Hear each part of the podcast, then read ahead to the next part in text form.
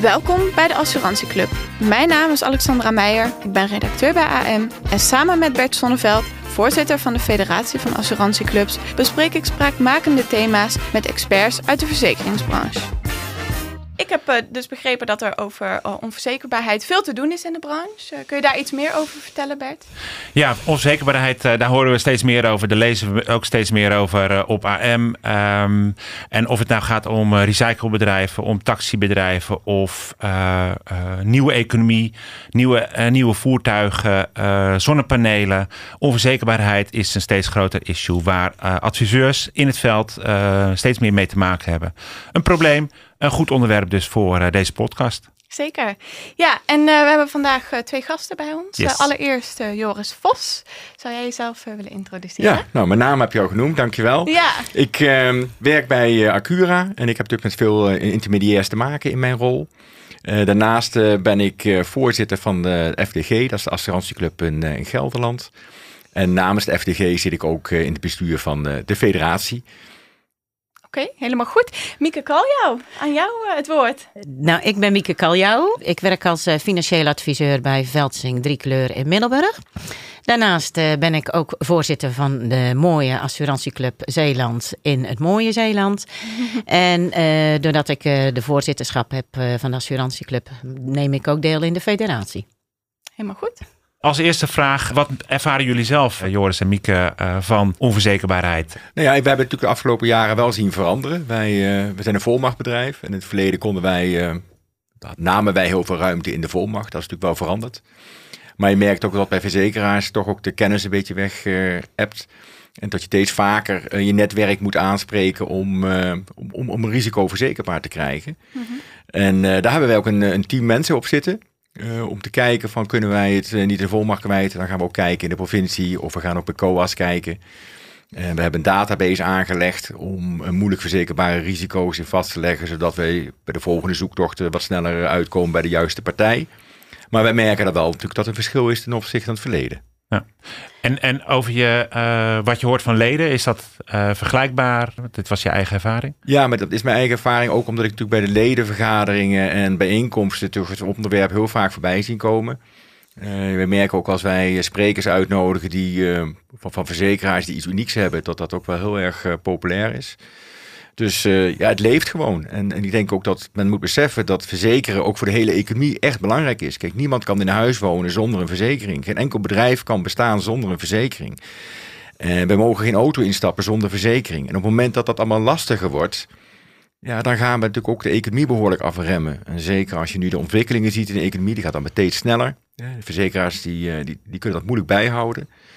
Maar het is wel essentieel dat dat gewoon snel opgepakt wordt om de economie uh, in ieder geval de juiste kant op te drukken. Ja, precies.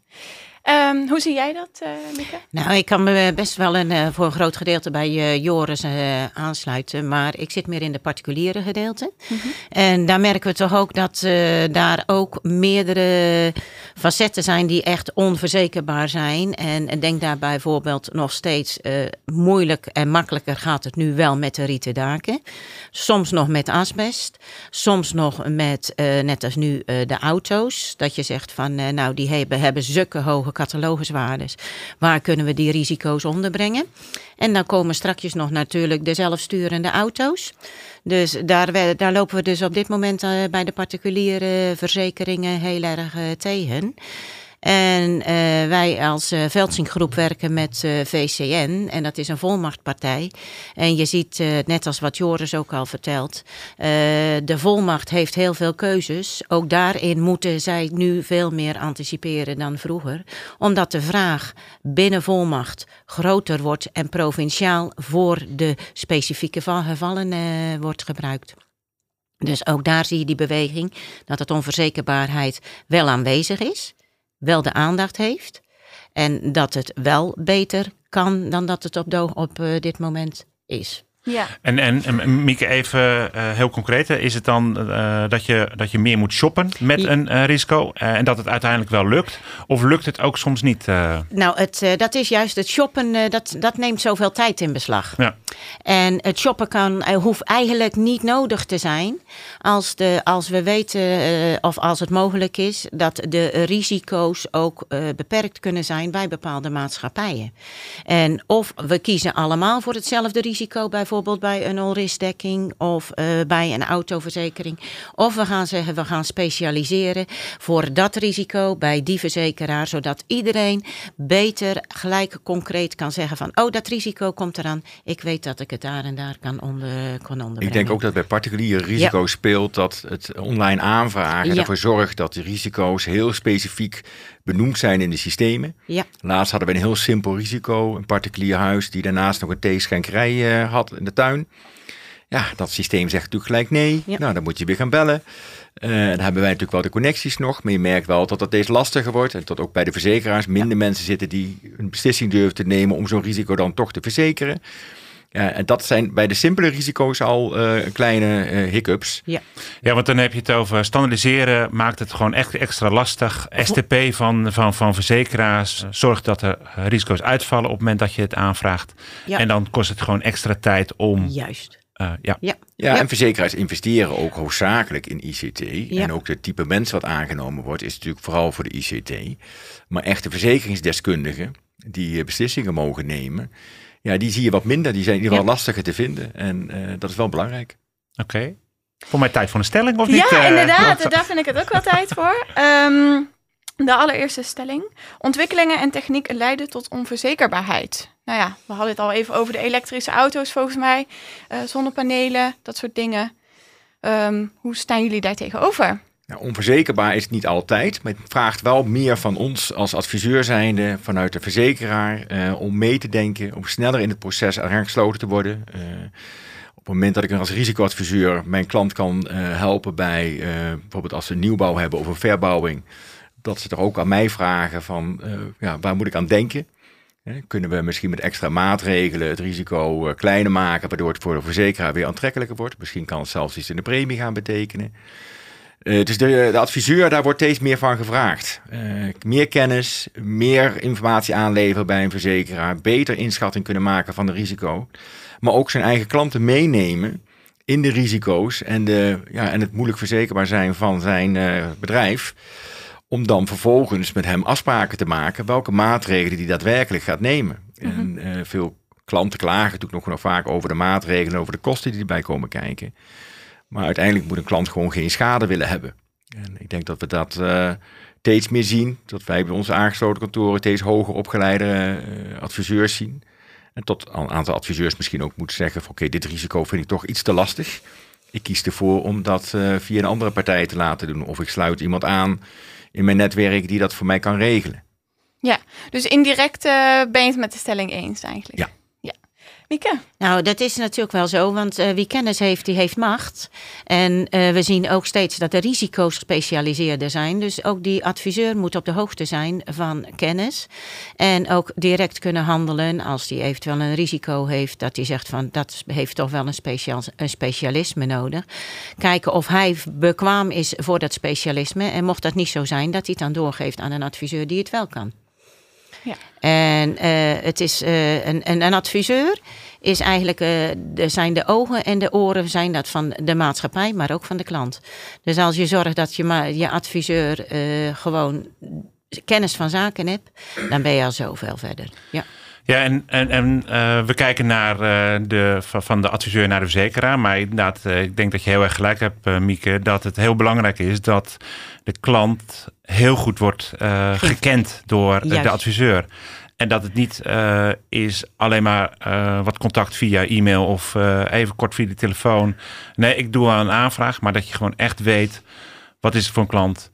ja, dat je de moraliteit kent van de klant. Dat je um, je echt verdiept in het, het, het risico, maar dan echt aan de klantkant, voordat je die stap maakt naar, naar de verzekeraar. Want het is, nou ja, dat is het mooie van, Van die adviseur, van die bij de klant. Ja, die twee kanten. Ja. Aan de ene kant eh, klant kennen en aan Mhm. de andere kant de kennis hebben en de producten kennen en Ja. de koppeling kunnen maken. Maar de verzekeraar kijkt ook steeds, steeds vaker naar. Hè? Als je bijvoorbeeld naar de. Goudse kijkt, die een eigen adviseurs opleidt, die op een bepaalde manier van werken voorstaat.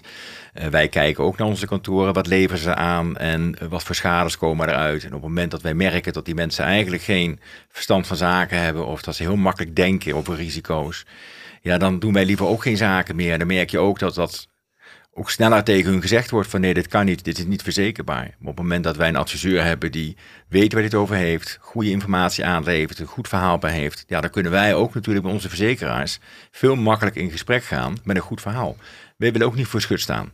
Nee, precies. Dus eh, onverzekerbaarheid vraagt ook echt wel om beter advies, eh, meer kennis. nou, eigenlijk gewoon een, een betere adviseur, als ik het goed begrijp. Ja, in het verleden werd je natuurlijk als, als, als tussenpersoon afgerekend ook op leverproductie. En daar keek men heel soepel eigenlijk naar de risico's die je indiende als het om schadeverzekeringen ging.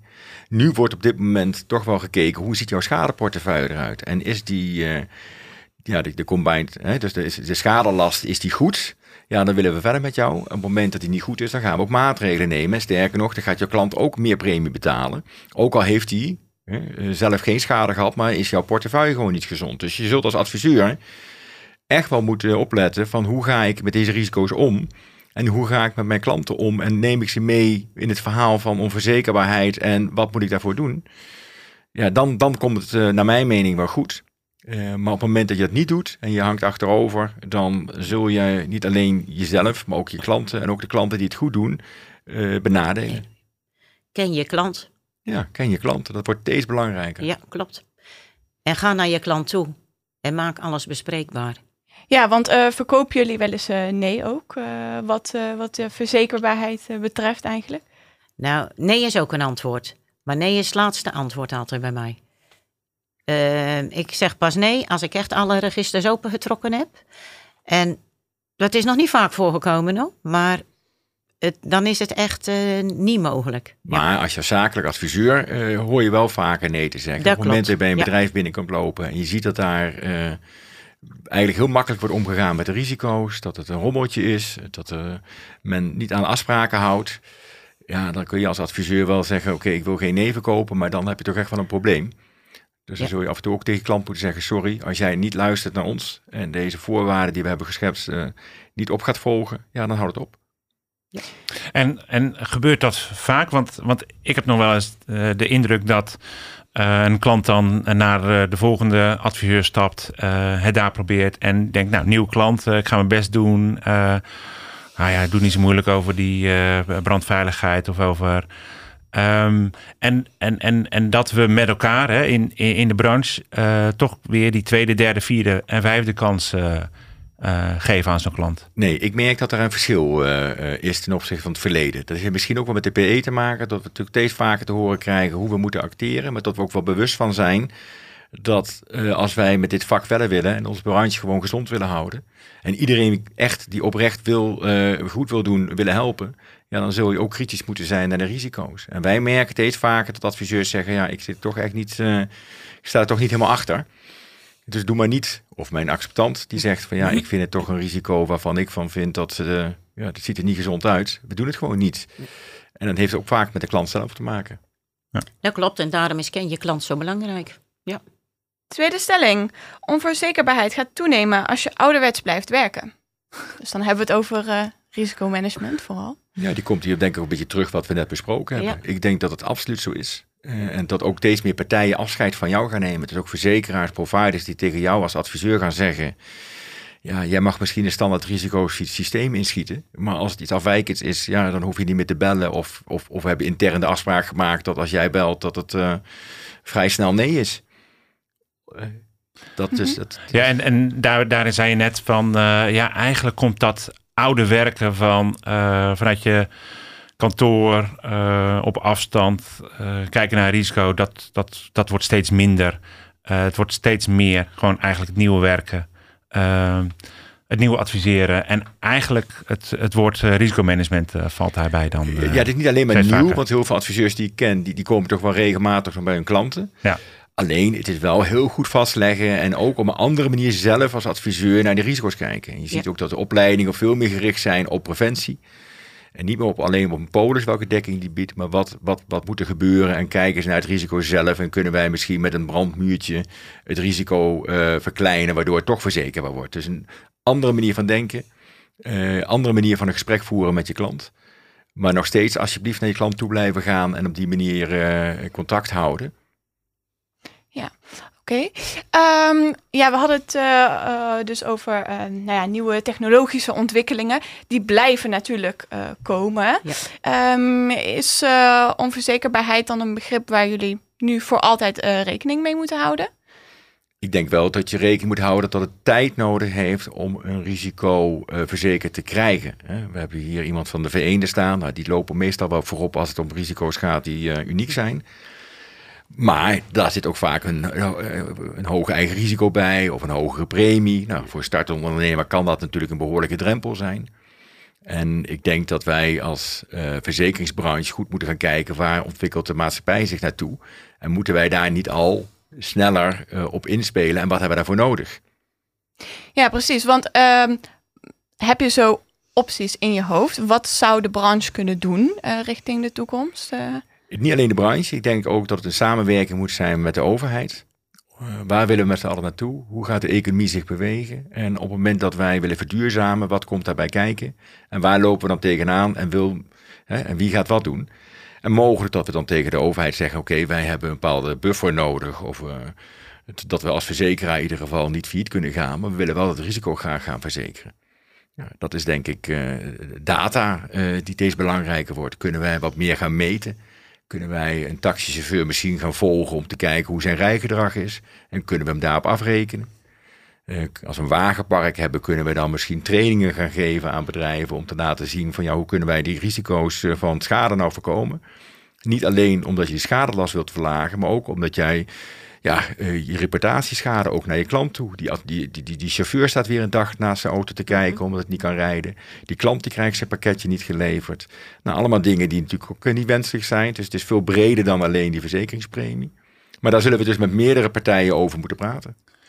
Ja, en ik denk, je, je noemt het woord uh, data en uh, uh, data-driven. Um, onverzekerbaarheid in relatie. Maar daar zou ik ook graag uh, het woord solidariteit bij, uh, bij, bij noemen. Um, want hoe meer we uh, kijken naar data en hoe meer um, de, de, de ontwikkeling is om rijgedrag of, of andere data mee te nemen in het beoordelen of in het afsluiten van een verzekering, in het bepalen van de hoogte van de premie hoe meer het toegaat naar individuele premie, ja, en hebben we het dan nog wel over verzekeren, hebben we het dan nog wel over solidariteit. Ik denk dat dat wel een uh, belangrijk uh, onderwerp is wat zeg maar tegen de onverzekerbaarheid aanschuurt. Want uh, op het moment dat er meer data is en solidariteit neemt af, dan kan het voorkomen, en, en dat, dat was jouw stelling naar de toekomst toe, dat er aantal risico's steeds minder onverzekerbaar wordt.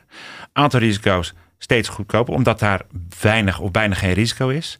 Um, maar wat is dan nog verzekeren? Dus um, dat vind ik nog wel spannend als het gaat om, om de toekomst. Uh, en dat moeten we uh, in de hele verzekeringsbranche, verzekeraars, adviseurs, maar ook inderdaad uh, met, met, de, met de overheid gewoon wel goed uh, van uh, doordrongen zijn van hoe gaan we daarmee om. Uh. Ja, ik denk dat het heel goed is wat je zegt. Maar het is ook de bewustwording die eromheen ja. hangt. Op het moment dat ik met data kan laten zien wat mijn gedrag teweeg brengt, ja, dan ben ik misschien bewuster in, in, mijn gedrag straks. En op het moment dat ik steeds vaker merk dat ik een risico moeilijk kan verzekeren, maar wanneer ik zelf maatregelen neem, dat er wel iets mogelijk is, dat, dat moet wel gaan leven. Maar ik ben het helemaal met je eens. Het mag niet zo zijn dat de, de goede alleen maar bij één verzekeraar terecht gaan komen en dat het uh, voor de rest heel erg lastig wordt om überhaupt nog een verzekering te, af te sluiten tegen een normale premie. Want uh, ons vak heeft zich altijd denk ik wel gekenmerkt door die, die uh, solidariteit. Ja. Maar we kunnen dus ook denken bijvoorbeeld dat we kunnen doen uh, onze klanten op te voeden. En hoe kunnen we onze klanten opvoeden? Door te zeggen van nou, klanten die dus weinig schade hebben klanten die heel netjes omgaan met alles en uh, dat die beloond worden. Dat, je, dat de premie bijvoorbeeld uh, wat lager is, dat je minder eigen risico hebt. Dus je kan ook het klantgedrag ten opzichte van schadelast en ten, ten opzichte van risico kan je natuurlijk ook managen in, eh, in eh, heel de verzekeringswereld. Het is niet alleen de verzekeraar die dus aanpassingen kan doen. Maar ik denk dat het ook een groot gedeelte nog weggelegd is voor eh, de adviseur. Van ken je klant, en voed je klant op. En misschien moet ook niet alles verzekerbaar zijn. Als je nu naar al riskproducten gaat kijken, ook bij particulieren, het gemak waarmee sommige mensen een telefoontje claimen. Ja. Je kunt je afvragen, is dat wenselijk? Hè? Ja. Vroeger had je echt wel producten die heel specifiek aangaven, waar ben ik dan voor verzekerd? Ja. En nu uh, is alles verzekerd en als mijn kind het hele huis loopt te slopen, dan, dan, dan, bel ik de verzekeraar. Ja. ja, en ik denk ook dat dat gedrag uh, kan veranderen. Ik zou wel pleiten voor een wat terughoudende bemoeienis van de overheid. Hè? Eh, op sommige plekken is het goed hè, dat uh, zorgverzekering en, uh, autoverzekering dat het verplicht is. Hè? Want dat is vanuit slachtofferbescherming is het gewoon goed dat als of, slachtofferbescherming voor de WA-verzekeringen en ja, het sociale hart van ons allemaal voor de zorgverzekering, is het goed dat de overheid zegt van ja, wat er ook gebeurt, iedereen moet een verzekering afsluiten. Iedereen moet toegang hebben tot zorg of tot die verzekering. Uh, en aan de andere kant is het ook wel goed om op afstand te blijven. Want laat het maar gebeuren tussen die klant, tussen die tussenpersoon en tussen die verzekeraar. En als het misgaat, ja, dan zie ik ook wel weer een rol van, van de overheid. Maar dan heb je het ook veel meer over overstroming, op pandemie. Hoe moeten we daar in de toekomst eh, mee, mee omgaan? Dat zijn de grote onderwerpen waarbij het individueel lastig is om daar eindklanten voor uh, ja, mensen in Nederland, om daar een oplossing voor te vinden. Dat is een rol voor de overheid. Laten we het voor de rest als branche echt met elkaar oppakken. En, en daar, daar vind ik een cruciale rol voor de adviseur, want die zit ertussen. Hè? De, de tussenpersoon die zit tussen die klant en die verzekeraar, die weet waar het om gaat. Die kan uh, telefoon pakken en tegen de verzekeraar zeggen: Ja, ik snap dat de data uh, dit en dit aangeeft, maar ik zit naast die klant en ik weet het gaat anders, het moet zo. En zou dit niet een betere oplossing zijn? Ik denk dan? ook de adviseur zich goed aan doet om zich aan te sluiten bij uh, of partijen die, die al heel veel volume hebben en goede mensen binnen hebben zitten. Of bij netwerkclubjes. En we zijn natuurlijk bij de assurantieclub. Uh, zijn wij dat? Hè? Wij, wij komen regelmatig bij elkaar en kantoren leren elkaar ook kennen. En op het moment dat jij een keer een lastig risico hebt waar je eerder nog niet mee te maken hebt gehad, dan kun je ook gaan bellen met een uh, bevriend kantoor of met je provider of welke partij ook samenwerkt. Om te kijken van wat kunnen we nu doen? Ken jij nog mensen? En, en wat heb ik daarvoor nodig om het risico ergens onder te brengen? Dus je netwerk is essentieel. Ja. Netwerk en, samenwerken. En delen van kennis. Ja, ja. ja. ja, ja. ja. want uh, het is zo. We gooien het in de app en dan uh, hebben we het risico uh, kunnen we bespreken met elkaar. Ik had laatst ook een keertje weer. Ja. Ja, ja en, en overstromingsschade bijvoorbeeld. Hè, dat is dan iets waarvan verwacht wordt dat dat uh, wellicht uh, uh, vaker gaat voorkomen. Um, zien jullie nog voor je dat bijvoorbeeld verzekeraars zeggen, nou, daar gaan we niet meer aan zitten in de toekomst? Nou, ik ben er wel bang voor dat de overheid straks zegt in het vervolg: ik ga dat fonds niet meer aanspreken. Want de klant is nu echt wel op de hoogte dat die noodzaak er is. En, en je zal zelf een oplossing moeten gaan zoeken. Ja, maar, misschien even een historisch perspectief. Hè. We komen natuurlijk van een situatie dat uh, overstroming uh, niet verzekerd was. Uh, zijn nu dat verzekeraars, ik moet altijd even nadenken hoe dat ook weer heet, maar secundaire waterkeringen, overstroming van secundaire waterkeringen wel dekt. ja, en de volgende vraag is: wat doen we met de grote rivieren? Wat doen we met grote overstromingen? En um, daarin denk ik dat het goed is dat, uh, dat, dat de verzekeringsbranche, hè, uh, nogmaals, uh, de hele breedte daar echt wel over, over nadenkt. Want uiteindelijk willen klanten gewoon um, ja, op het moment dat ze met schade worden geconfronteerd. En of dat nu brand is, wat wel verzekerd is, of overstroming, wat voor een deel niet verzekerd is, willen ze gewoon dat ze door kunnen gaan. en, en daarvoor zijn we met elkaar en daarvoor uh, moet onzekerbaarheid zo laag mogelijk uh, komen, volgens mij. Want dat is het beste voor ons allemaal, voor de branche en uh, voor Nederland en Nederlandse economie. Ja, maar het heeft ook wat, met die zin komt de overheid toch weer even om de hoek kijken. Waar gaan wij bouwen? Hè? Ja. welke plekken gaan wijzen we daarvoor aan? Bouwen? Ja. Is dat reëel en wat komt daar straks bij kijken? En op het moment dat ik daar ga wonen, weet ik dan dat ik voor mijn verzekering misschien toch een beperkt dekking heb. Of dat er misschien een hoog eigen risico is. Als ik daarvan bewust ben, ik kies toch die, uh, om daar te gaan wonen, dan is het prima. Maar je kunt niet alles op de verzekeraar gaan afschuiven, omdat wij zo nodig op elk plekje willen wonen waar we, ja, wat het leukste plekje is. Ja. Duidelijk. Mooi. Um, ja, zijn er andere zaken met betrekking tot dit onderwerp waarvan jullie denken, uh, bijvoorbeeld in de dagelijkse praktijk, uh, waar jullie tegenaan lopen? Concrete voorbeelden van bijvoorbeeld een klant die eens komt en um, nou, we hadden het er eerder al even over, iets, iets verzekerd wil hebben wat eigenlijk niet verzekerbaar is. Um, hebben jullie zelf ervaringen met voorbeelden waarvan je denkt, nou, dat is toch echt zo opvallend geweest, dat is de moeite waard om te bespreken? Nou ja, er zijn genoeg voorbeelden die heel lastig zijn, maar het niet kunnen verzekeren. Wij zijn nu met een, een autootje, dat heeft de Carf, heet dat, uh, dat ding volgens mij, is een elektrische auto. Uh, ja, dat is op dit moment nog niet gelukt om daar een goede dekking voor te vinden. Uh, ik denk ook dat het heel lastig is als je een, een, een, een pizzaverzorger met een elektrische fiets of een scootertje, om die nog ergens kwijt te kunnen. Dus het is wel heel goed zoeken. Uh, en wij zijn nu ook met buitenlandse partijen in gesprek om te kijken of we daar uh, een risicodrager voor kunnen vinden. Maar ja, die hebben ook andere prioriteiten. Hoeveel volume is er al in de markt? Hè? Is het al interessant genoeg om daar iedereen voor wakker te maken? Ja, dat, dat zijn wel dingen waar we wel tegenaan lopen. Het zijn geen dagelijkse risico's uh, die, die, die op die manier aangeboden worden. Maar we merken het wel. Ja, en we hebben natuurlijk al de weg ingeslagen als het om ons eigen bedrijf gaat. Hè. Hebben wij een, een elektrische auto, hebben wij auto's met hele hoge katwaardes. Ja, dan, dan hebben wij daar oplossingen voor. Zijn er uh, rieten daken? Ja, dan hebben wij inmiddels verzekeraars aangesteld, niet in de volmacht, maar in de provincie, die ervoor zorgen dat we het risico wel kwijt kunnen. Maar het is wel zoeken en zorgen dat de juiste partijen gaan samenwerken om dat risico kwijt te kunnen. Ja, en, en, en daar inderdaad wel van, van op de hoogte, uh, je van op de hoogte brengen wat waar uh, is om te brengen. Hè? Want, en, en met name wordt het ingewikkeld als het een combinatie is van een elektrisch voertuig en deeleconomie en... Uh, een jonge stuurder. En, ja, weet ja. je, ja, dus, dus en, en da, dan moet je wel um, ook de andere kant, hè, naast dat je je klant kent en weet uh, uh, wie je voor je hebt, moet je aan de andere kant ook weten wat zijn, wat zijn de oplossingen en uh, bij wie kan je, kan, kan, je, kan je wat terecht. en ik denk dat dat wel de, als je vraagt om concrete voorbeelden, um, ja, stel je voor dat het RDW morgen, bij, bij wijze van spreken, een bepaald type voertuig goedkeurt.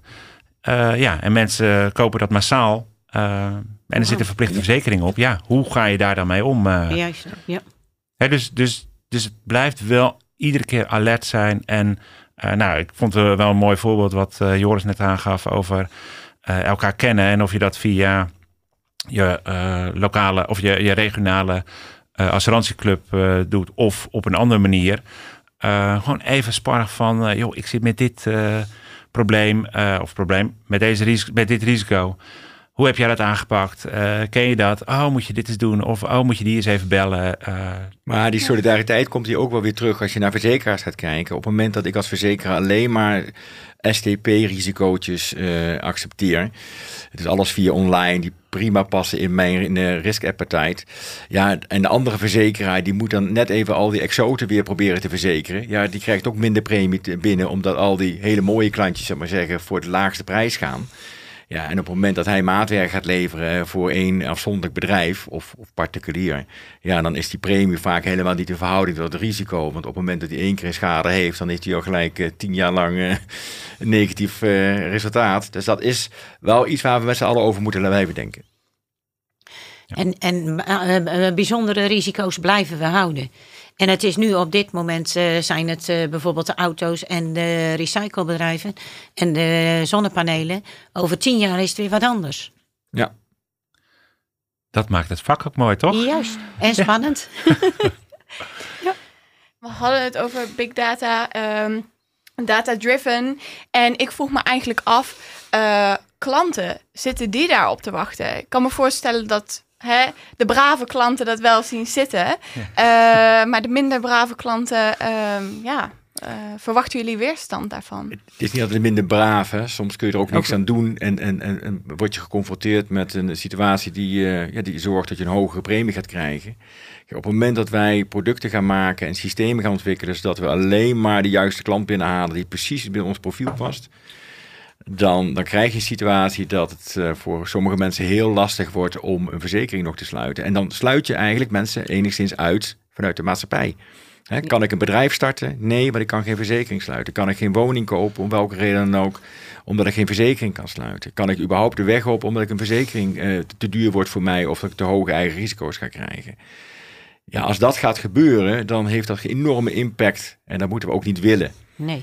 Ehm, maar het is wel een ontwikkeling die gaande is. Uh, en, en, je ziet dat bedrijven toch, ook al zeggen ze misschien nu, ik wil er niet in meegaan, op het moment dat de concurrentie het wel doet, je ziet nu dat steeds weer autobedrijven, een Tesla, gewoon eigen producten gaan ontwikkelen. En, en, ja, dan, dan zul je als, als verzekeraar toch ook wel iets tegenover willen stellen dat met prijstechnisch uh, ook uh, mee kan. Ja, en dan ga je toch die kant op. Dus daar moeten we wel met z'n allen over blijven denken. Ik, vind het, ik zou het heel jammer vinden als als dat mooie deel van ons vak eigenlijk, hè, die solidariteit, als dat gaat verdwijnen. Ja, twee, twee dingen zou ik daar wel over, over willen zeggen, Joris. Want uh, aan de ene kant um, moeten we erover blijven denken. Hè. Dat, dat, dat, dat, dat zeg je. Maar aan, die andere, aan de andere kant van de Atlantische Oceaan zijn die big tech data, die zijn daar al lang over aan het denken. En die, en die hebben alles al voorbereid om het, het gaan uitrollen. Hè. Dus, um, en als ik dan terugga naar jouw vraag, uh, Alexandra, over. Je noemde het brave, brave klanten. Maar natuurlijk willen klanten die precies passen in het uh, goede profiel. Uh, en die een verzekering voor nou ja, 20, 30, 50, 100, 500 euro minder kunnen afsluiten. Ja, die gaan daar natuurlijk wel voor kiezen. He, dus het is een ontwikkeling waar we goed over moeten nadenken. Maar het is ook een ontwikkeling die niet te stoppen is. En dan is het wel uh, lastig ook het punt wat ik net aangaf. Ja, hoe gaan we dan om met die solidariteit? Um, en ik vind dat, um, dat dat in ieder geval wel dat gesprek moet, moet, moet, moet blijven zijn. Hè? We, we uh, verzekeren is niet alleen dat hele individuele geval met die postcode, met die uh, auto, met nou, dat en dat en dat en dat risico. Waarbij er veel meer al bekend is dan we met z'n allen uh, weten. weten. denken, hopen. Ja, en op, ba basis waarvan wordt die uh, premie vastgesteld? Hè? We hebben de toeslagenaffaire gehad. En op het moment dat je dat zo in gaat stellen dat er een uh, verkeerde achternaam achter staat, dat dat een premieverhoging geeft, ja, dat vind ik toch heel eng. nou, dat is het, dus ook. Het, het wordt onpersoonlijk en uh, je hebt er op een gegeven moment geen vat meer op. En het belangrijkste is toch dat, de klant, dat je de klant wel kent. En die ken je op dit moment dan niet, waardoor je als adviseur geen toegevoegde waarde kan zijn. Maar het is wel de toekomst. Nee, en, en, en het gevaar is dan dat je als uh, dat een. Uh, om even die bewoordingen te gebruiken, die brave klant uh, gewoon uh, online ze wegvindt. En dat adviseurs alleen nog te maken hebben met die niet zo, niet zo ja. zulke brave ja. klanten. En het gaat ja, niet om gedrag, nee. maar het gaat over net even een ander risicoprofiel. En dat. En, en, en, en, en dat die dus alleen bij die adviseur komen. En dat is natuurlijk voor de adviseur. Het is hartstikke mooi werk. Hè? Want het is allemaal anders. Het is allemaal net weer uh, anders. Maar uh, het, het, het, het, kost je stelt, veel meer, het kost je veel het meer tijd. Het verdienmodel wel ja. echt wel onder, onder druk. Ja, en, klopt. Um, en daarin moeten we wel kijken naar uh, de beste van twee werelden. Van hoe kunnen we data goed combineren met solidariteit. Um, en dat is de uitdaging. Ja. Ja, ja want um, ik kan me voorstellen dat je als uh, adviseur ook regelmatig de uh, belangen van je klanten behartigt tegenover een verzekeraar. Ja, hoe gaat dat dan zijn als de verzekeraar alle data heeft en eigenlijk al um, ja, be kan beoordelen voordat, voordat de informatie bereikt wordt? Data is natuurlijk toch iets abstracts. Ik denk dat je als adviseur, wanneer jij je klant goed kent en ook de verzekeraar of welke partij je ook mee werkt, jou kent als een gedegen vakman uh, die voor zijn klant staat, dan staan ze ook open om het gesprek met je aan te gaan wanneer je met goede argumenten komt. Maar dat is wel heel belangrijk. Ja, doe je dat niet, ja, dan wordt het toch steeds lastiger om zo'n uh, risico uh, te plaatsen. Omdat, ja, we kennen die klant niet. Het systeem zegt, doe maar niet. Het is oranje, hè, het, is geen, het is geen groen. En als de adviseur dan ook geen extra aanvullende informatie heeft. Ja, nee, bijvoorbeeld, uh, ja, je, je, houdt van voorbeelden, toch, eh, Alexander? Mm -hmm. Dus uh, even een voorbeeld van uh, man-vrouw hebben samen auto en, ehm, nou, laat ik even een voorbeeld nemen. Man maakt veel schades, gaan, gaan, gaan, gaan, ze komen in de malus, hè, dus negatief schadevrije jaren. Um, en de vrouw die wil ehm, die, heeft daar, die heeft daar geen oorzaak aan, maar heeft wel altijd in diezelfde auto gereden. Je, ja, dan, mag, dan, dan is de rol van de adviseur om dat ook gewoon uit te leggen. Uh, je hebt wel een schadevrije uh, jarenverklaring of een rode dataverklaring, maar dit is de situatie, man, vrouw, gescheiden of niet. Of, dus, dus dat, dat kennen van de klant, hè, waar Mieke iedere keer op uh, benadrukt. Maar ook uh, contact met verzekeraar, hè, waar, waar, waar Joris een, een, aantal keer op terug is gekomen. Die combinatie, dat maakt het dan wel sterk. En ja, dan, dan is het afhankelijk van, ja, op het moment dat je iedere keer komt met een verhaal van, ja, maar dit is anders, dit is anders. Ja, dan heeft het ook weer minder kans. Tenzij je echt met iedere keer goed hebt nagedacht en uh, echt met een serieus verhaal komt. Dat heeft nog steeds mogelijkheden. En dat is wel de kracht van uh, het mensenwerk. Ja, maar ga ook met je klant in gesprek. Ja, Merk je dat een klant best wel makkelijk claimt. Ja, dan is het ook wel goed om die klant erop te wijzen van klant, welke gevolgen kan dit hebben. En je hoort wel eens mensen, dat zijn vooral de borrelpraatjes op de verjaardagen, van ik heb al een tijdje geen schade gehad, ik ga gewoon claimen. Ja, dat gedrag, dat, dat, moet ook denk ik veel meer maatschappelijk afgestraft worden. Dat mensen er iets van gaan vinden. Nu wordt er hard om gelachen. Maar uiteindelijk hebben we er allemaal last van. Dat gedrag. En als adviseur moet je daar uh, keen op zijn. En op het moment dat je dat gedrag ook richting de verzekeraar laat zien dat je zo met je klant omgaat, dan krijg je ook een moeilijk risico makkelijker besproken. Ja, maar, maar, maar, maar daarvoor is data weer uh, goed. Hè? Want data helpt ook in uh, fraudedetectie en en het aanpakken daarvan. Hè. Dus, dus maar dan zie je er ook wel weer die rol van de overheid. Hè? Hoe gaan wij die data toepassen? Gaan wij misschien een opslag toepassen om toch die verzekerbaarheid van anderen uh, mogelijk te houden? En ja, dat, dat is wel iets wat de overheid moet gaan bepalen. En niet dat verzekeren individueel. Want dan ga je toch veel sneller kijken naar de centjes. En dan, dan is die verleiding om die data op een bepaalde manier toe te passen, denk ik, uh, te groot.